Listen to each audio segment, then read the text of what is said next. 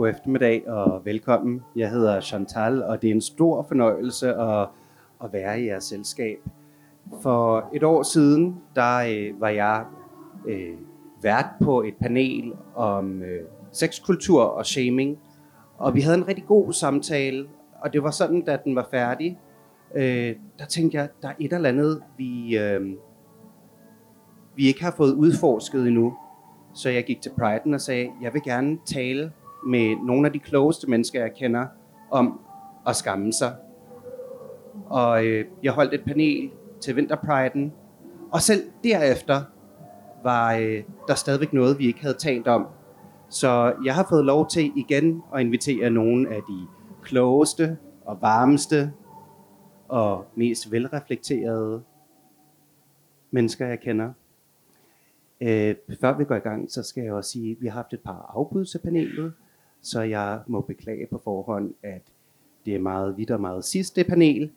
Desværre har der været nogle afbud på grund af sygdom.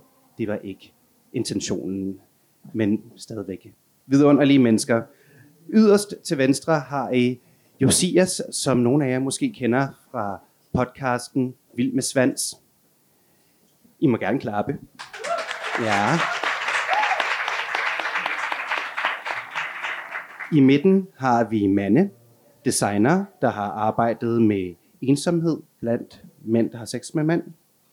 Ja. Og tættest på mig har vi Frederik, antropolog og helt igennem kvalitetsmenneske.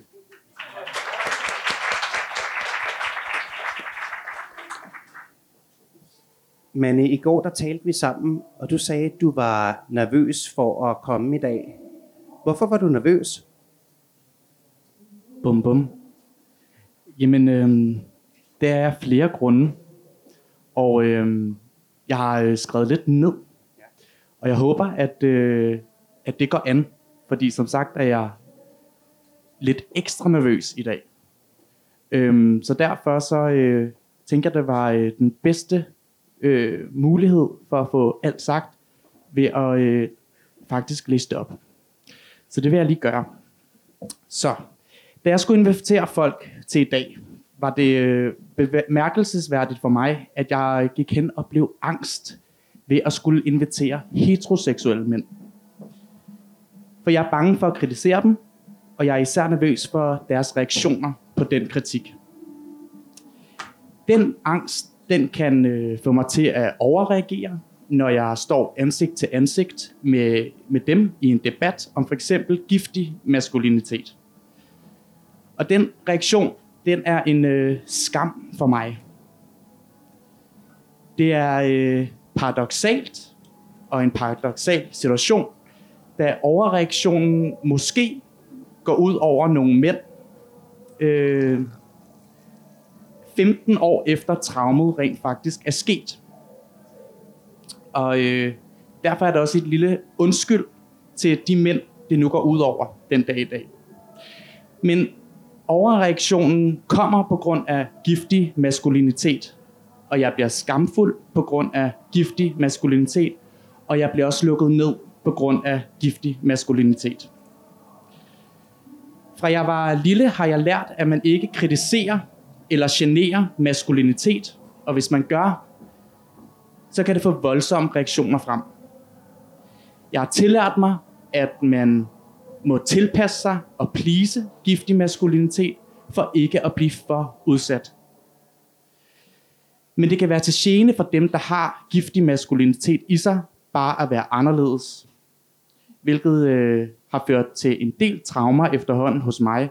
Og i dag er jeg som sagt særlig nervøs, fordi jeg har rigtig meget kritik at give giftig maskulinitet. Ja.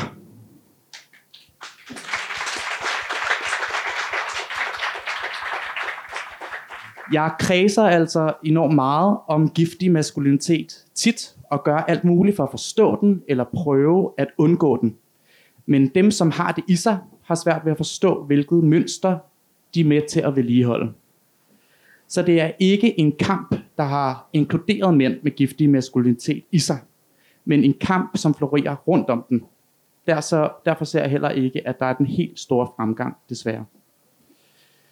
Det er vigtigt for mig at sige, at det ikke er et personligt angreb på den heteroseksuelle mand, for det er det bestemt ikke alle mænd, der har giften i sig. Det er tværtimod en kritik af samfundsmønstre og indgroede kønsroller, som også gør det svært for den heteroseksuelle mand at være dem selv, for de skal være maskuline på en helt bestemt måde.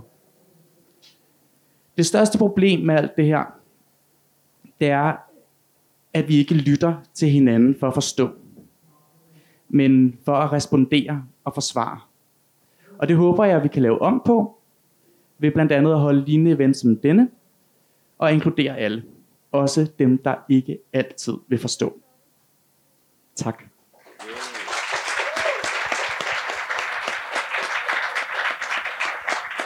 Så det var, mit, øh, det var min tale. Jamen, jeg vil, øh, jeg vil gerne lægge ud med at sige tak.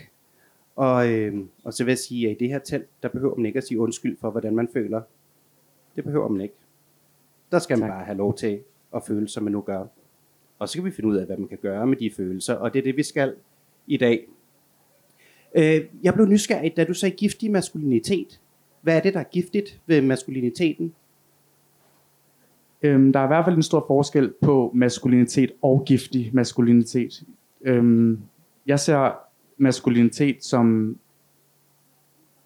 som noget, der kan være rigtig inkluderende og smukt og fint. Men når det går hen og bliver giftig maskulinitet, så er det, når, øh, når der bliver and, blandt andet bliver joket øhm, nonchalant om minoriteter. Og det oplever jeg rigtig, rigtig tit ske. Og øh, det reagerer jeg på, når det sker. Fordi at jeg kan, øh, jeg kan ret tit øh, forholde mig til det, hvis det er en joke om, om blandt andet kvinder, som kan være nedladende, så, øh, så rammer den ind i mig, fordi jeg har været udsat for samme form for nedladende jokes. Og det er især de her jokes, der øh, kan blive meget giftige, fordi at øh, giften ligger i, at den, der reagerer på det, bliver gjort til hysterisk, eller dramatisk, eller noget i den dur.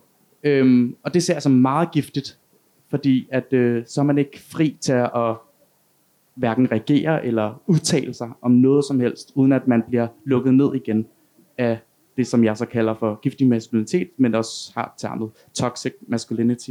Så det er sådan set bare oversat direkte fra engelsk til dansk. Josias, øh, nu har jeg hørt lidt på din øh, og Alexanders podcast. Øh, den er jo sjov og, og lidt fjollet til tider, men hvis man begynder at krasse i overfladen, så er den jo bundalvorlig. Og I taler jo om, om noget af det samme som Manne. Kan du genkende øh, den skamfuldhed, Manne taler om? Ja, det kan jeg godt. Jeg kom til at tænke på, at, øh, at mine erfaringer og mit møde med den giftige maskulinitet oftest kommer fra et, øh, nogle lidt ældre mænd. Jeg har været så heldig at møde en lidt yngre generation af mænd og drenge igennem mit arbejde i sport og idræt og gymnastik. Og mødt nogle øh, unge fyre, som er har rigtig mange nuancer og forståelse af, hvordan det vil være, hvordan det er at være mand og dreng, og også følsom og sårbar og sådan. Men jeg kan mærke, at jeg har søgt de her mænds maskulinitet. Og så kommer jeg til at tænke over, hvorfor er det i mit voksne liv er jeg måske gået væk fra pigers selskab lidt mere, for det ved jeg, det er en selvfølge. Den har jeg altid haft som dreng. Det var dem, der accepterede mig allerførst.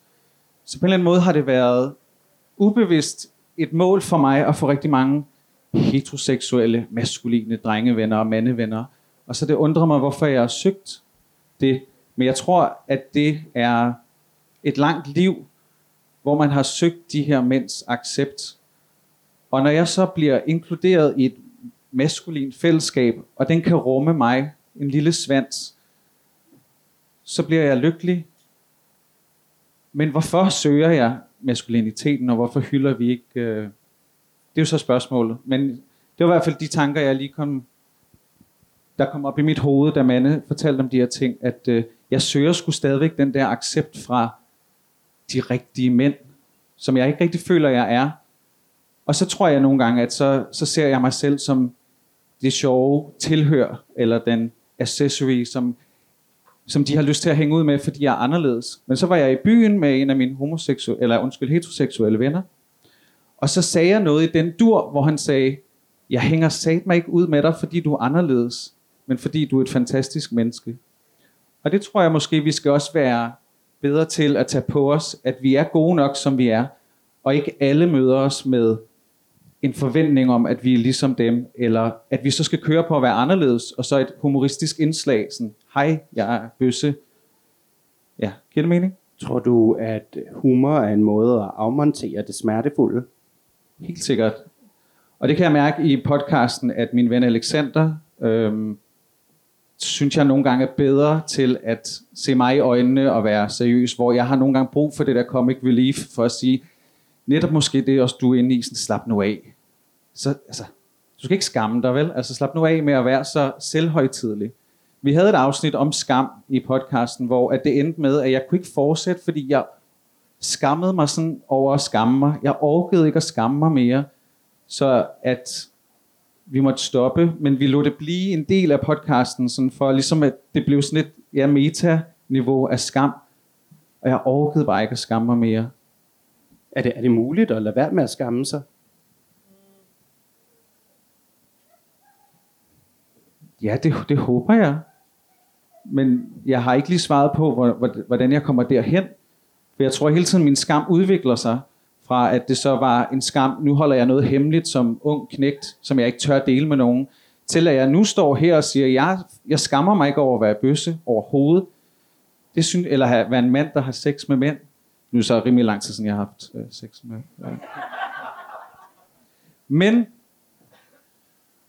når jeg så kommer ud i andre situationer, for eksempel i den meget øh, farlig offentlighed, hvor jeg ikke har set nogen mennesker i øjnene, for jeg kan sagtens sidde på mit nye arbejde første dag og være sådan, yes, sådan er det, og jeg havde en kæreste, der hed Ding Ding, og det var måske et drengenavn, og så fatter de den. Jeg har ikke sådan en, en periode, hvor jeg lige giver dem lov til at lure mig. Jeg er bare sådan svisken på disken fra starten, men når jeg er ude i offentligheden, så holder jeg for eksempel ikke min kæreste i hånden. Eller Alexander, som er min bedste ven, jeg laver podcast med, som er meget, han er meget nusset og rører meget, og jeg kan mærke, at der er mange situationer, hvor jeg skubber ham væk, så måske skammer jeg mig stadigvæk, eller så er jeg bange. Det ved jeg ikke lige, hvad forskellen er på.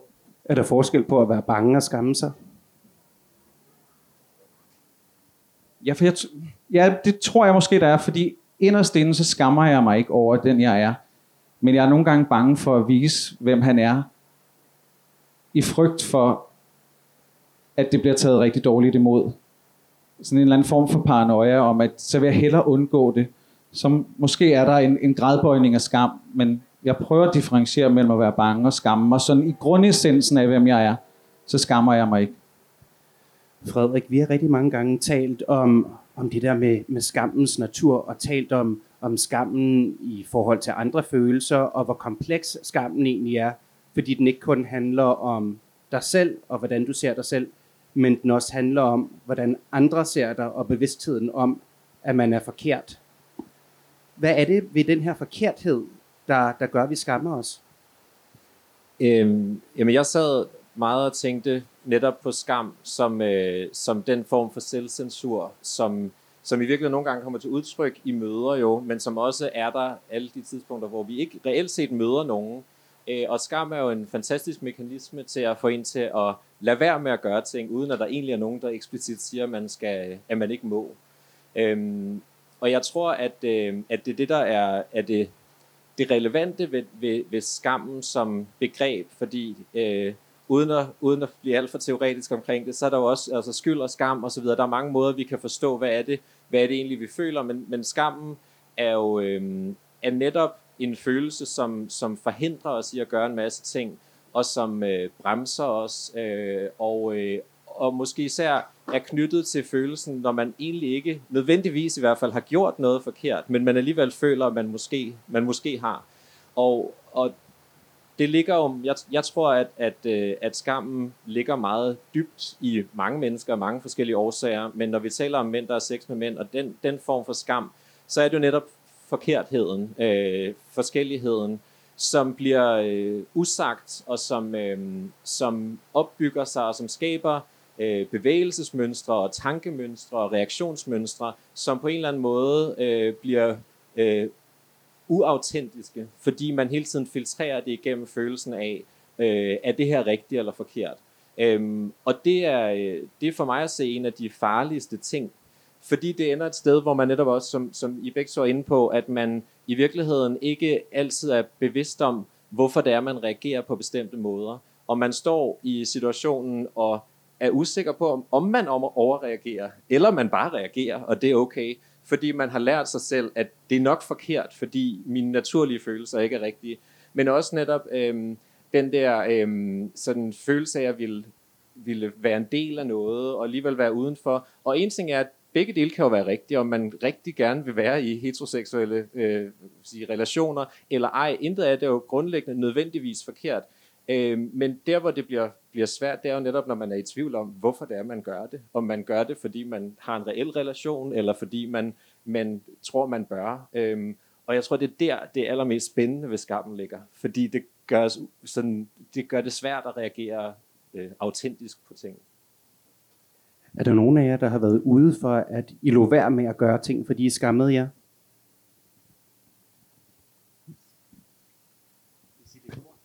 Ja. ja. ja. Er der nogen, der vil dele en, en fortælling om det? Altså, det er på mange måder meget let, fordi som jeg lidt var inde på med, med skam, for mig, så er det jo noget, der, øh, der forhindrer mig i at gøre ting hele tiden. Jeg tror, det er det, der er ligesom essensen af det. At øh, en ting er konkrete ting, hvor man hele tiden censurerer sig selv, øh, og store ting, hvor man meget øh, specifikt kan sige, der gjorde jeg ikke det, jeg jeg gerne ville, fordi jeg skammer mig over det.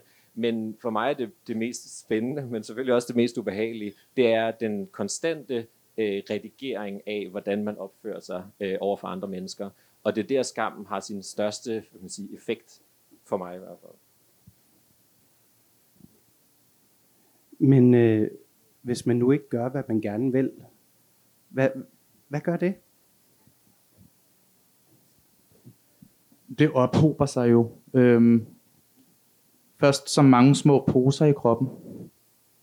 Og den, de mange poser bliver til en stor pose på et tidspunkt. Og så kan man jo næsten ikke trække vejret. Men skal det så ikke ud på et tidspunkt? Jo, det gør det jo også. Og det er også derfor, at øh, jeg er nysgerrig omkring den her overreaktion. Fordi det, det ser jeg som et udlad af alt det, der har hobet sig op igennem øh, for mange, rigtig mange år. Men hvordan overreagerer du, eller udadreagerer du på din skam? Jamen, øh, det svarer nok lidt til at være et parforhold, på en eller anden måde. Vi kender det nok alle sammen, os der har været i et parforhold. Der er små ting, der, øh, der generer en i dagligdagen. Han tager ikke opvasken, når man vil have det. Eller han siger noget forkert, når man skal ud og tisse. Eller et eller andet i den dur. Og der reagerer man jo ikke, fordi der ved man godt, okay, helt rationelt, det vil være en overreaktion. Men alle de her små ting, de bygger sig op, og som sagt starter med små poser, der gør det lidt besværligt. Nogle gange bare være sig selv. Og når det så går hen og bliver for meget, jamen så, så eksploderer alle de her mange poser. Og øh, sådan rent lavpraktisk forklaret, så øh, for mit vedkommende bliver jeg ildrød i hovedet og jeg øh, kan næsten ikke tænke klart. Og øh, jeg får også sagt alt muligt, jeg ikke lige helt selv forstår, eller er klar over, at jeg måske får sagt, fordi det bare flyder ud af mig med, øh, med alle de her poser, der springer ind i mig. Og derfor bliver det til en overreaktion, som jeg, som jeg sagde i min tale, skammer mig over, fordi den kommer den kommer på en eller anden måde på et rigtig øh, uheldigt tidspunkt. Og øh, især øh, tit har jeg oplevet, at den kommer over for, øh, for heteroseksuelle mænd, som på en eller anden, eller som ikke fortjener det.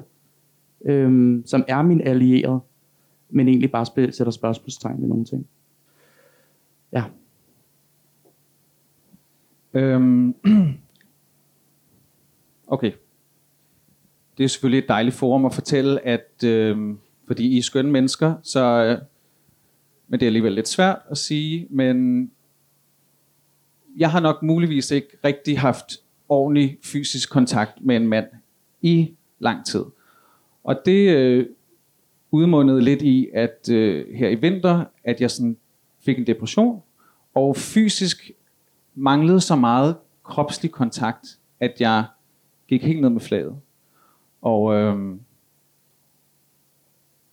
og det tror jeg skammer, eller stammer fra en skam inden for miljøet af mænd, der har sex med mænd. Hvor at, at jeg tror ikke, jeg oplever den måske lige så meget som mand i forhold til heteroseksuelle mænd, men jeg føler, at jeg tit er en dårlig mand, der har sex med mænd. Fordi jeg ser ikke ud kropsligt som idealet, som bliver enormt hyldet, synes jeg ofte, i porno, i kampagner, i, også, også inden for den her verden med regnbuer og sådan noget. Ikke? Så, så er der en, en mand, vi helst vil kigge på. Ikke? Og ham har jeg aldrig været. Og, øhm, så jeg har undgået øh, sådan at date og, og, og udforske den side af mig selv i, i, i ret lang tid nu. Øhm, og det skammer jeg mig over. Men det stammer fra, at jeg skammer mig over min krop, for eksempel, på nogle områder. For den kunne godt være lidt mere mandig, og den kunne godt være lidt mindre nogle steder, lidt større andre steder. I forstår, hvad jeg mener. Altså så, det kunne jeg godt tænke mig også, at sådan gøre op med, at vi sådan på en eller anden måde har skabt et narrativ om, hvad den perfekte homoseksuelle mand også er. Ikke? Men, men tror du, den her perfekte homoseksuelle mand på en måde er forbundet med skam? Min første øh, møde med en anden mand, eller det var så en dreng, for det var 15 år øh, øh, alderen der, der mødte jeg jo en, der skammede sig lige så meget over de her tanker, som vi ikke havde delt med nogen. Øhm, så vi nåede at have vores første seksuelle sammenstød, kan man måske sige, fordi det var ikke rigtig en oplevelse. Øhm, hvilket jo bare gjorde det endnu sværere bagefter, når man fandt ud af, åh, oh, du skammer dig også. Fordi jeg troede jo bare lige, at vi havde, jeg havde mødt min soulmate. Nu kunne vi dele den her fede oplevelse. Gud, sex med mænd, hvor er det dejligt. Nej, han ville ikke have noget med mig at gøre. Fordi han skammede sig måske muligvis endnu mere i øjeblikket, eller i hans øh, liv på det tidspunkt. Det synes jeg var en, en rigtig ærgerlig start. Fordi tænk, hvis vi havde taget hinanden i hånden, ikke? Øh, og støttet hinanden noget mere, da vi var helt små, øh, eller når man sådan udforsker sin seksualitet. Hvad, hvad kunne det have gjort, hvis I havde taget hinanden i hånden og sagt, nu, nu lader vi være med at skamme os sammen? Jeg, jeg, jeg tror, det havde gjort en verden til forskel. Jeg kan ikke sådan pinpoint, hvad præcis det havde gjort i mit liv, men måske havde jeg haft et mere naturligt forhold til, til sex. Og, men igen, det var så omkring perioden i afsnittet om skam, at jeg ikke kunne holde det ud mere, for så var jeg også bare sådan, kom nu for helvede over dig selv. Jeg er 34 nu, det var fem, altså, jeg kan ikke regne, men det er omkring 20 år siden, ikke? Så altså, ja, men det hænger da helt sikkert sammen. Kan I, kan I genkende den her historie? Ja, bestemt. Øhm, og øh, jeg sad netop også og tænkte, inden vi gik i gang her, at det der jo er interessant, nu endte vi netop med at være det her panel, og vi kunne jo have været bredere, og vi sidder øh, øh, både, hvad kan man sige, øh, privilegeret og, øh, og for mit eget velkommen i hvert fald øh, meget øh, man sige, med, med en baggrund og med en opvækst og en krop og en kønsidentitet osv., som burde muliggøre i dagens Danmark, at det ikke var så vanskeligt det hele, og der ikke var så meget skammes over. Og alligevel føler man enorm sådan genklang, når man hører de her historier, og det er et tema, som da jeg blev bevidst, da jeg begyndte at tænke over skam, som en del af min identitet, var det som om, der var, der var ligesom en, en tiger, der faldt.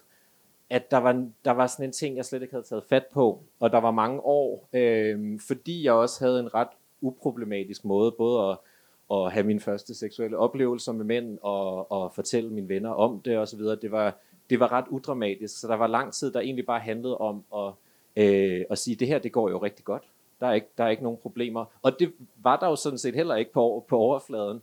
Øhm, men da først den der idé om skammen, og især hvor tidligt den måske starter, øhm, begyndte at, at manifestere sig, så var der så mange ting, der lige, lige pludselig dukkede op omkring netop øh, måder ikke at forbinde sig til folk på. Men også, øh, for mit vedkommende i hvert fald, en større tolerance over for de andre mænd, som heller ikke kan finde ud af det. Altså netop det der med at se skammen i andre, som noget, der virkelig binder os sammen. Og det betyder ikke, at vi er gode til at hjælpe hinanden med det. I virkeligheden er vi ofte rigtig dårlige til det, og vi skubber hinanden væk. Men hvis man prøver at løfte sig og siger, måske er det nogle af de samme følelser, vi har. Måske kan vi prøve at lokke hinanden til at være mere sårbare og mere åbne over for hinanden. Så kommer vi et skridt på vejen. Fordi jeg tror også, de der idéer om, om det perfekte og idealerne og sådan noget, det er jo en skøn måde at gemme skam på, og selvfølgelig dyrker vi dem. Så hvis man lige kan få sådan se, at det nok er det, der sker inde bagved, så kan man, øh, så kan man måske møde hinanden på en anden måde.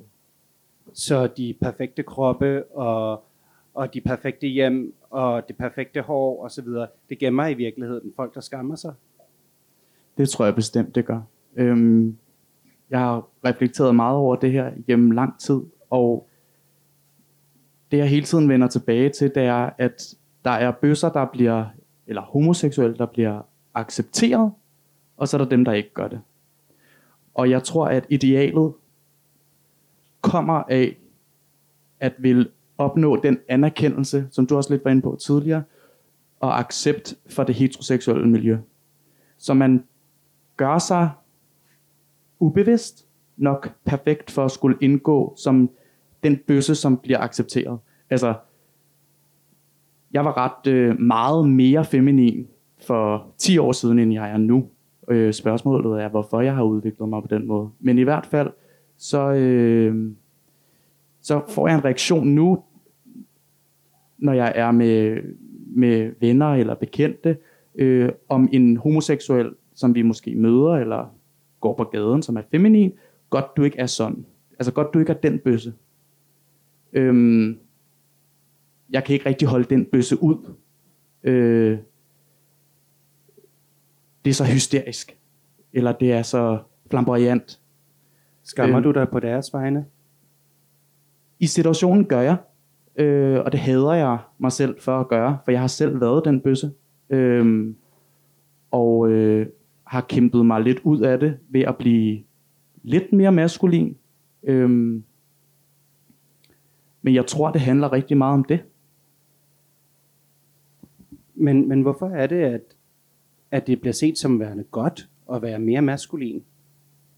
Hvad er det, det kan? Men det er jo vores helt stereotype kønsrollerfordelingen. Øhm, en mand skal være en mand, en kvinde skal være en kvinde. Og hvis man er ude for den øh, norm, jamen så er du også enormt udsat.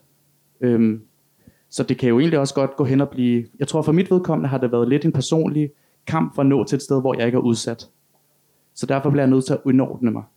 Og øh, det har ikke betydet en helt store omdekorering, men det har, øh, det har bestemt gjort, at jeg har måttet øh, slibe kanterne til. Hvad, hvad er det, du har slippet af? Det er et godt spørgsmål. Øhm, jeg ved i hvert fald, at jeg gør det. Øh, og jeg gør det hver dag. Øhm, og det er jo forbundet med en enorm stor skam. For ikke at være den bøsse, der bliver parret ud i mængden. Og bliver øh, åbenlyst øh,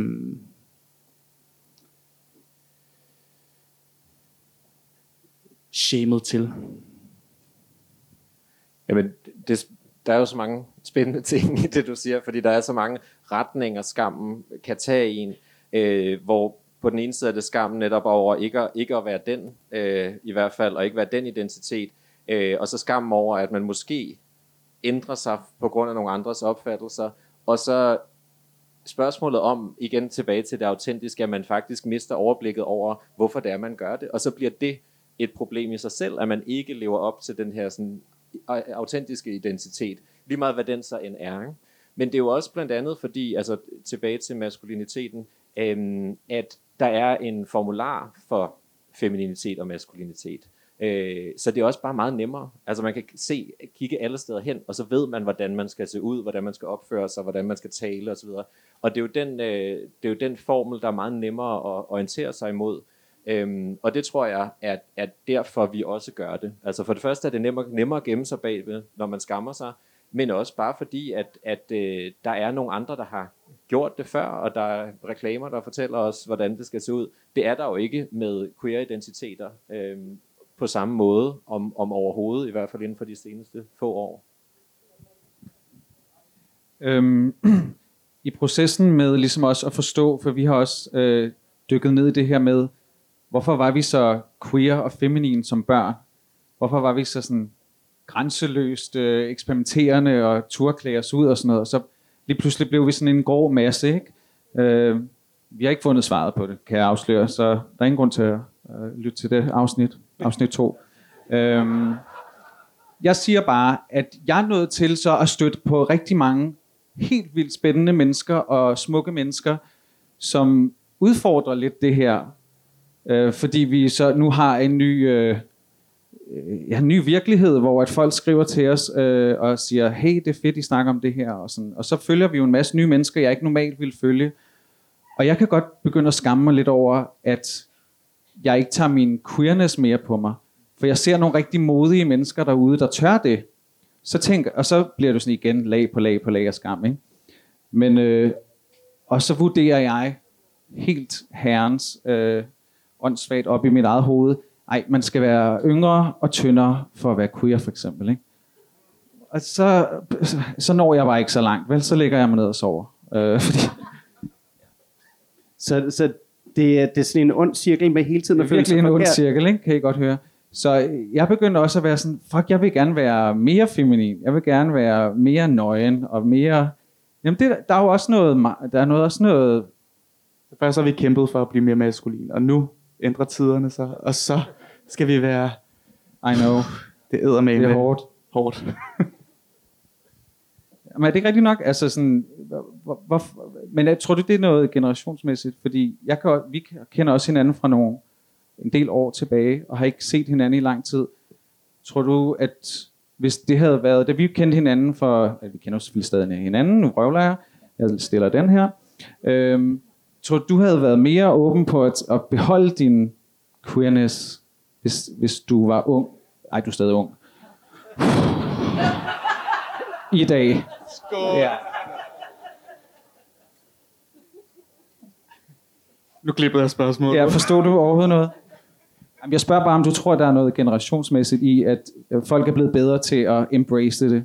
Den, øh, det fællesskab, som jeg ser nu som stadig ung, men ikke helt ung, øh, men det fællesskab, jeg ser hos øh, dem, der er yngre end mig, øh, havde jeg ikke dengang. Øh, og det tror jeg, der bestemt har haft en øh, negativ påvirkning på min udvikling som homoseksuel. Øh, igen det der med at øh, lidt øh, slippe de øh, skarpe kanter til. Øhm, det jeg ser i dag er, at man som dreng jo har et frit spil til også at sige, jeg ved ikke, hvad min seksualitet er, og jeg leger lige nu. Og der er en, en meget større forståelse og accept af det, end der var dengang jeg var 15 måske. Så ja. Ja, det er også mit indtryk. Ja. Men, Hvilket jo er fantastisk, ja, at den udvikling er sket. Men jeg hørte dig sige noget om fællesskaber, queerness, og du har også arbejdet med ensomhed. Er skam og ensomhed forbundet? Meget. Hvordan? Man kan jo skamme sig over ensomhed, og man kan også blive ensom på grund af skam. Så det, er, øh, det går meget hånd i hånd, og øh, det kan være rigtig svært at forklare. Jeg lavede speciale om det på Danmarks Design Skole, Visuel Kultur og Identitet, hvor jeg interviewede 24 øh, homoseksuelle her i København, både par og singler og i alle aldre.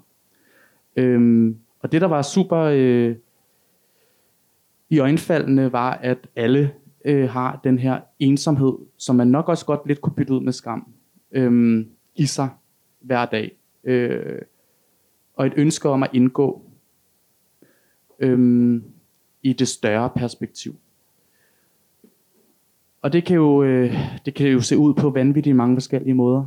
Det er jo totalt individuelt, hvordan man har den personlige kamp i sin hverdag.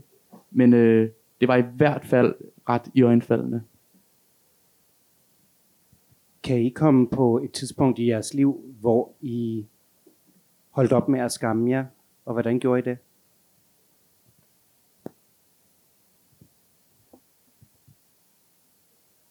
Ja.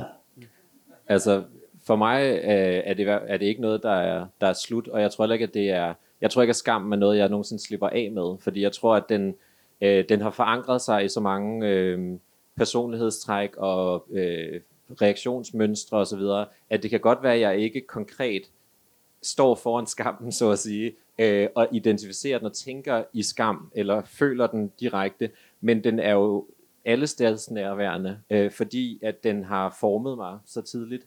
Øh, og, øh, og derfor tror jeg aldrig, at jeg holder op med at skamme mig.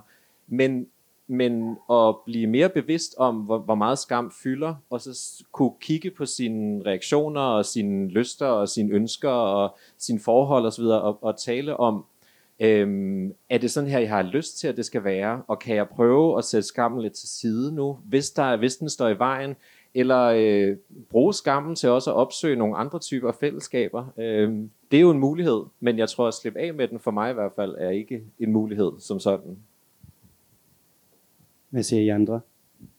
Ja, jeg tror, jeg er meget enig i, at vi må sådan på en eller anden måde lære at leve med den, og så bruge den til at være kreativ og til i de øh, mørkeste perioder skabe kunst eller tanker, eller række ud til nogle nye mennesker, eller til nogle gamle bekendtskaber. Jeg har jo sådan lyst til at møde ham der igen, som fra 15 års alderen, og kramme den ud, ikke? og sige, det gik, og, øh, og så måske få en oplevelse mere. Nogle, nogle flere sammenstød. Ja. Endnu et sammenstød. Ja. ja, det lyder dejligt. Hvad nu, hvis, hvis skammen kunne gøre noget godt? Kan, kan man, altså, hvordan kan man få skammen til at gøre noget godt?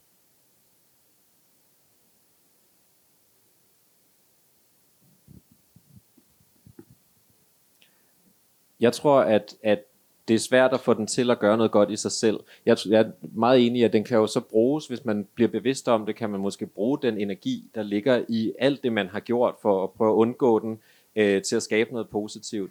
Øh, men, men helt grundlæggende, når skammen er over noget, man ikke har nogen skyld i, og som man ikke behøver at føle sig skyldig i, så er den meget lidt konstruktiv i sig selv. Øhm, fordi det er jo kun, den har kun hvad kan man sige, værdi, hvis man rent faktisk tror på, at man er et dårligt menneske, fordi man har sex med mænd som mand. Øhm, og hvis man ikke tror på det, så er det jo sådan set bare, altså så er der et hul ind i midten, så er det kun skammen, der er tilbage, som har skabt en masse reaktioner. Øhm, så jeg tror ikke, at den i sig selv kan noget godt. Har I, har I nogensinde været i sådan en situation, hvor jeg tænkte, jeg burde egentlig skamme mig over det her?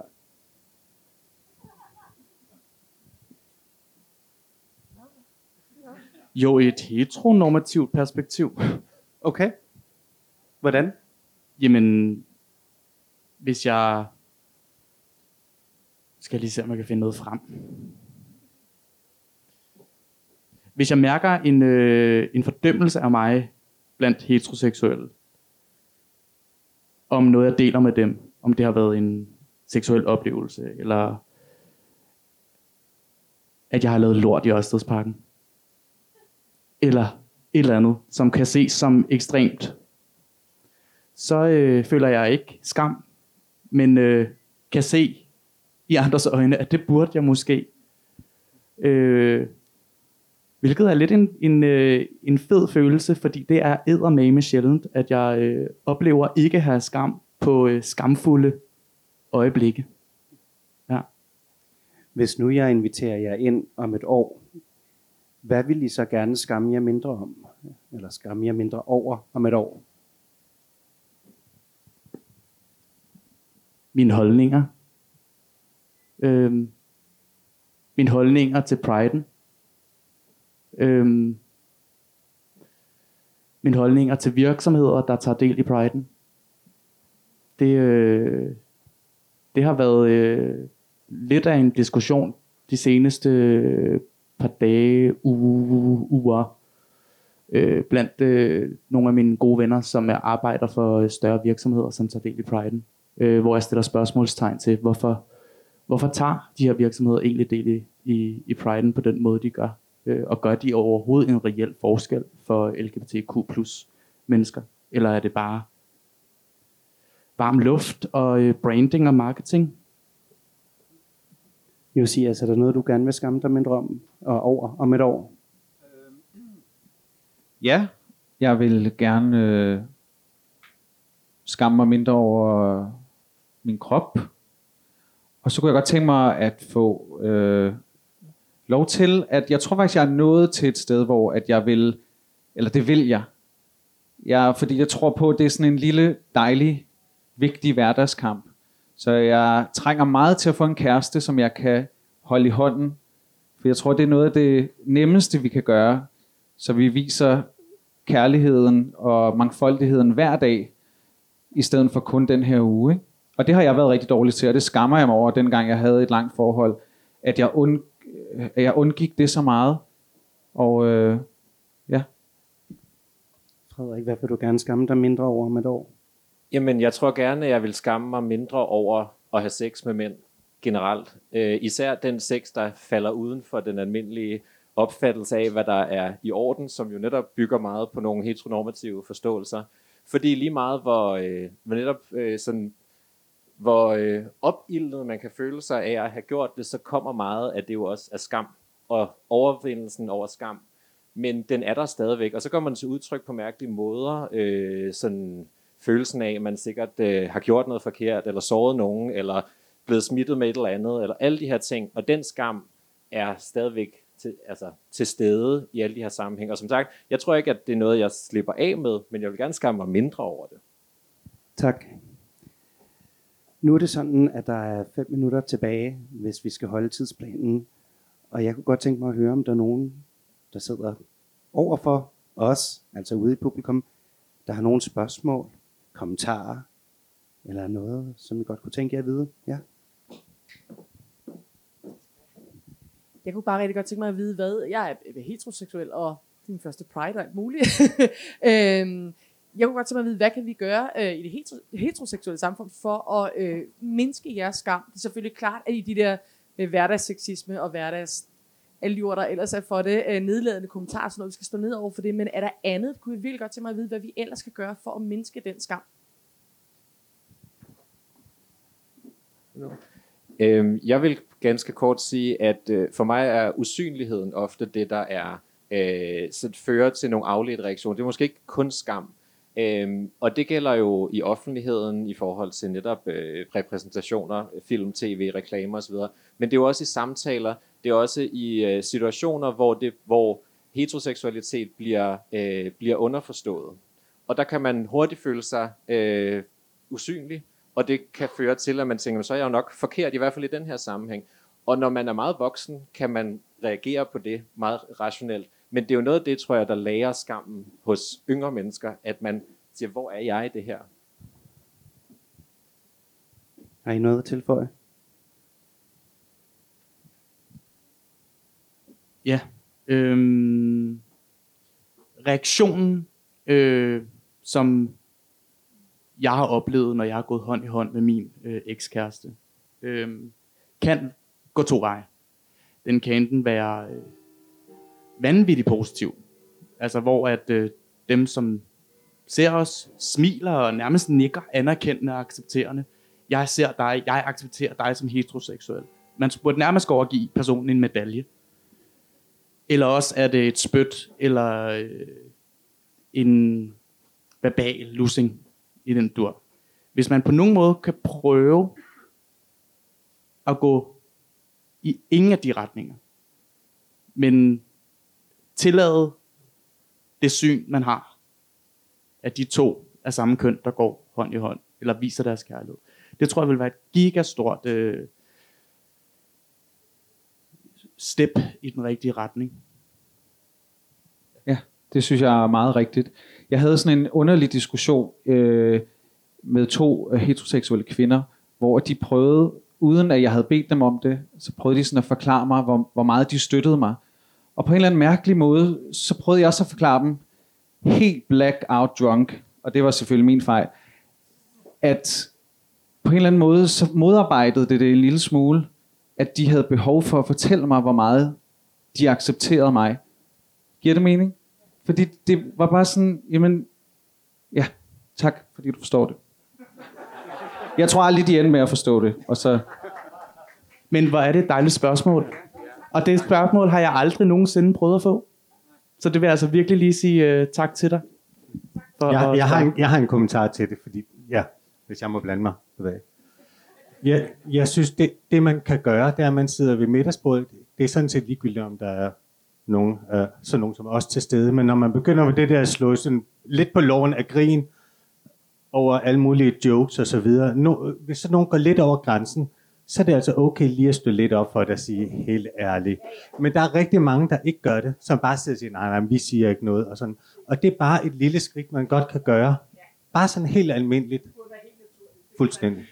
Ja, og det synes jeg faktisk er et godt eksempel. Altså, det er jo humor, vi taler om lige nu. Og jeg synes meget af alt det her, som er både øh, nedladende og øh, diskriminerende over for kvinder, sorte, øh, muslimer, homoseksuelle, alle slags minoriteter, det, det florerer rigtig tit i humor. Men hvad er det, humor er? Og det spørgsmål tror jeg, man skal stille sig selv. Fordi humor er opløftende i det rum, man er i. Og alle skal være enige i, at det er sjovt. Og det oplever jeg rigtig, rigtig, rigtig tit ikke, at det er. Og, og så er det, man skal huske, at, at så kan vi faktisk bruge skammen. Husk at spørge, hvorfor var det lige den her vidighed var sjov? Undskyld, jeg forstår ikke. Hvor, hvorfor er det der sjovt, det her? Og når Er han det så begynder at sige, din hysteriske kælling, Ja, ja. så, øh, så er det der, du siger, tak for i aften. Og så vil jeg sige, husk, at, at aktivisme begynder allerede i vuggestuen. Altså, vi, os der sidder op, vi er en sådan lost course. Det handler om dem, der er bitte små børn nu. Det er noget, der skal ind helt fra modermælken. Er der et øh, sidste spørgsmål? Ja, helt hernede.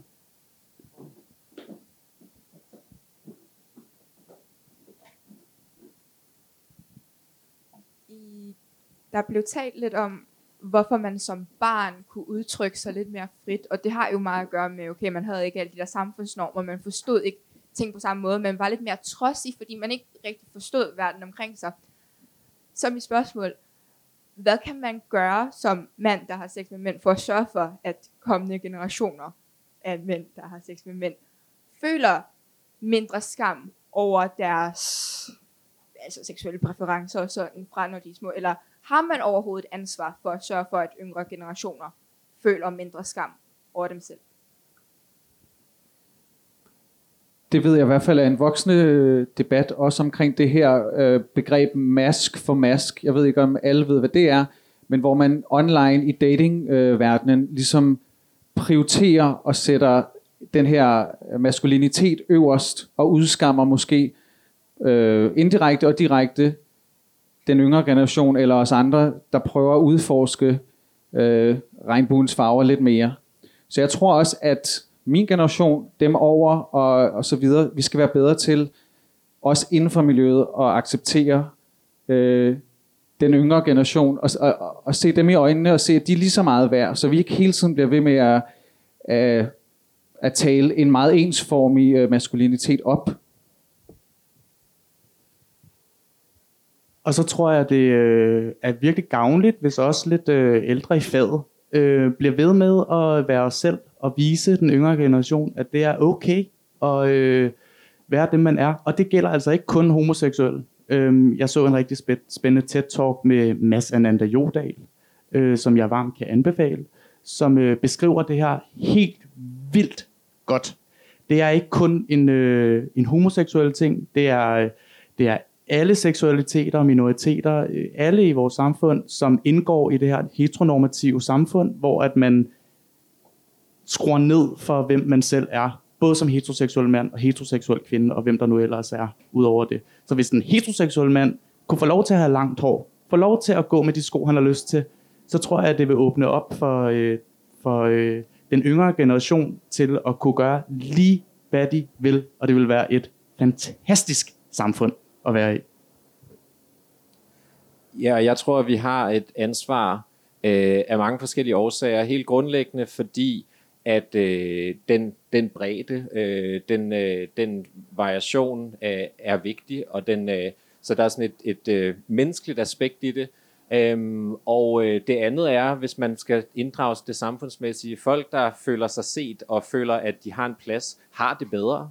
Øhm, så der er, øh, der er jo masser af statistikker, desværre, der kan bakke os op i, hvor meget folk lider, når de ikke føler sig set. Hvad, netop, og det er jo igen ligegyldigt, hvilken minoritet der er tale om. Øh, så der er mange niveauer af, hvorfor det giver rigtig god mening at, øhm, at, at sætte ind tidligt og give folk plads øhm, og opdrage ordentlige mennesker, hvad det så end betyder, øh, både i forhold til vores egen identitet og i forhold til andres. Må jeg sige en, en, øh, en måske afsluttende fra mig, det ved man aldrig helt. Øhm, jeg kom bare i tanke om, hvordan man kan bruge skam aktivt og positivt. Det er jo netop også, og jeg tror lidt det du sagde med, at vi må godt så udskamme lidt, når folk træder forkert. Og jeg skammer mig lidt over, at jeg ikke gør det mere i for eksempel kontorlandskabet. Ikke? Der har vi alle sammen prøvet, at der sidder en eller anden derovre, ikke? og prøver at få et grin med, og vi sidder alle sammen sådan her, oh shit. Og jeg har lyst til at være ham der, der skal, men så får man den der, hold nu kæft, du skaber dårlig stemning, og det har man heller ikke lyst til at være lysslukkeren. Men hvis vi prøver at lære nogle, øh, lære nogle små tricks og øh, greb, der gør, at vi lige, lige giver lidt skam videre, fordi du burde faktisk skamme dig over det, du siger lige nu. Vi har simpelthen så meget skam, at vi kan dele ud af den. Præcis. Simpelthen. Har du en afslutning kommentar? Jamen, jeg tror, min, øh, min, min også forhåbentlig afsluttende kommentar kunne være, at øh, educate yourself. Altså, læs op på det her. Det er ikke, øh, nu sidder vi tre her, eller vi fire står sidder her. Øh, men der findes bare så meget øh, litteratur derude, som er sindssygt spændende, også for den heteronormative verden. Øh, det skaber en langt bredere forståelse af, hvilken verden det er, vi lever i. Fordi det er ikke kun heteroseksuelle, der render rundt derude på gaden.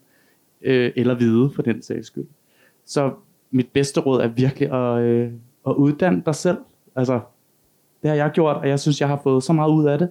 Og været provokeret, og været vred og glad. Og det, øh, det kan give rigtig meget. Har du en afsluttende kommentar også? Jamen, så vil jeg prøve at vende det tilbage til, til det, vi laver her, fordi der er jo også en nervøsitet, når, når man går ind i det her. En ting er at være ærlig og være åben og fortælle om sig selv. Det er en form for nervøsitet. Men det er jo også at være respektfuld over for hinanden, fordi vi skal jo også uddanne os, og vi skal også vide, hvem det er, vi eventuelt træder over tæerne på den ene eller den anden måde, og ikke træder over tæerne som, som at, at gøre det mindre, men, men hvem vi generer, øh, og, og for, til at føle sig skamfuld. Og den, så det går hele vejen rundt, så jeg tror, at den, den afsluttende bemærkning for mig vil være, at, at netop uddanne os selv alle sammen, øh, men også være tolerant over for hinanden, og også over for, at vi ikke altid kan stå på mål for det hele hver gang, og derfor er det stadigvæk okay at føle, at det ikke var i orden, det der skete. Så lad være med at skamme dig over, at du skammer dig. Ja. Jeg vil gerne sige mange tak til mit panel, og så vil jeg gerne sige tak til jer, der kom. Du har en fornøjelse.